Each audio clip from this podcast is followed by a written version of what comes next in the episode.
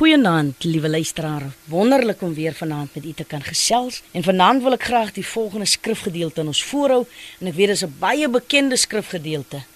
Maar is iets wat elke keer en opnuut vir ons iets kan beteken. Psalm 46 vers 11 en ek lees: Wees stil en weet, ek is God. Ek sal vereer word deur die nasies, verhewe wees oor die hele aarde. Wees stil en weet ek is God.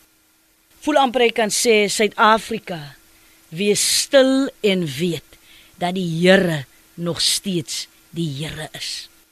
In hierdie land elke dag het ons uitdagings in ons eie lewens het ons elke dag uitdagings in ons huise het ons elke dag uitdagings by die skool is daar elke dag uitdagings. Waar ons ook al kom is daar 'n uitdaging. En ek dink een van die grootste uitdagings vir ons is ons weet nie wat môre vir ons inhou nie. Maar dan kom hierdie woord wees stil en weet ek is die Here. En dan besef 'n mens net die Here is nie daar ver nie.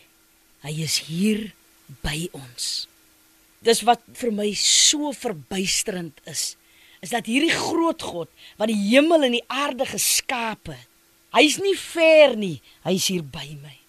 Hy weet van my hy ken my hy ken my sit hy ken my opstaan hy ken alles van my. Daarom as hy sê wees stil en weet ek is jou God dan kan nie ek kan ek nie anders nie. Ek moet stil raak. Ek moet rustig raak En dan smaak dit mos 'n mens se koppietjie wil nog hierdie kant toe en daai kant toe. Dis maar roses.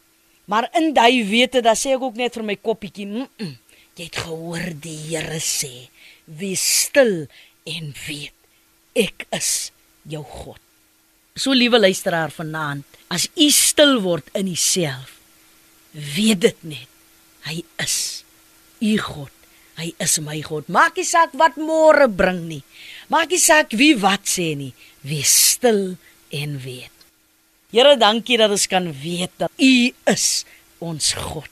Daarom kan ons stil wees en stil raak. In daai wete rustig raak.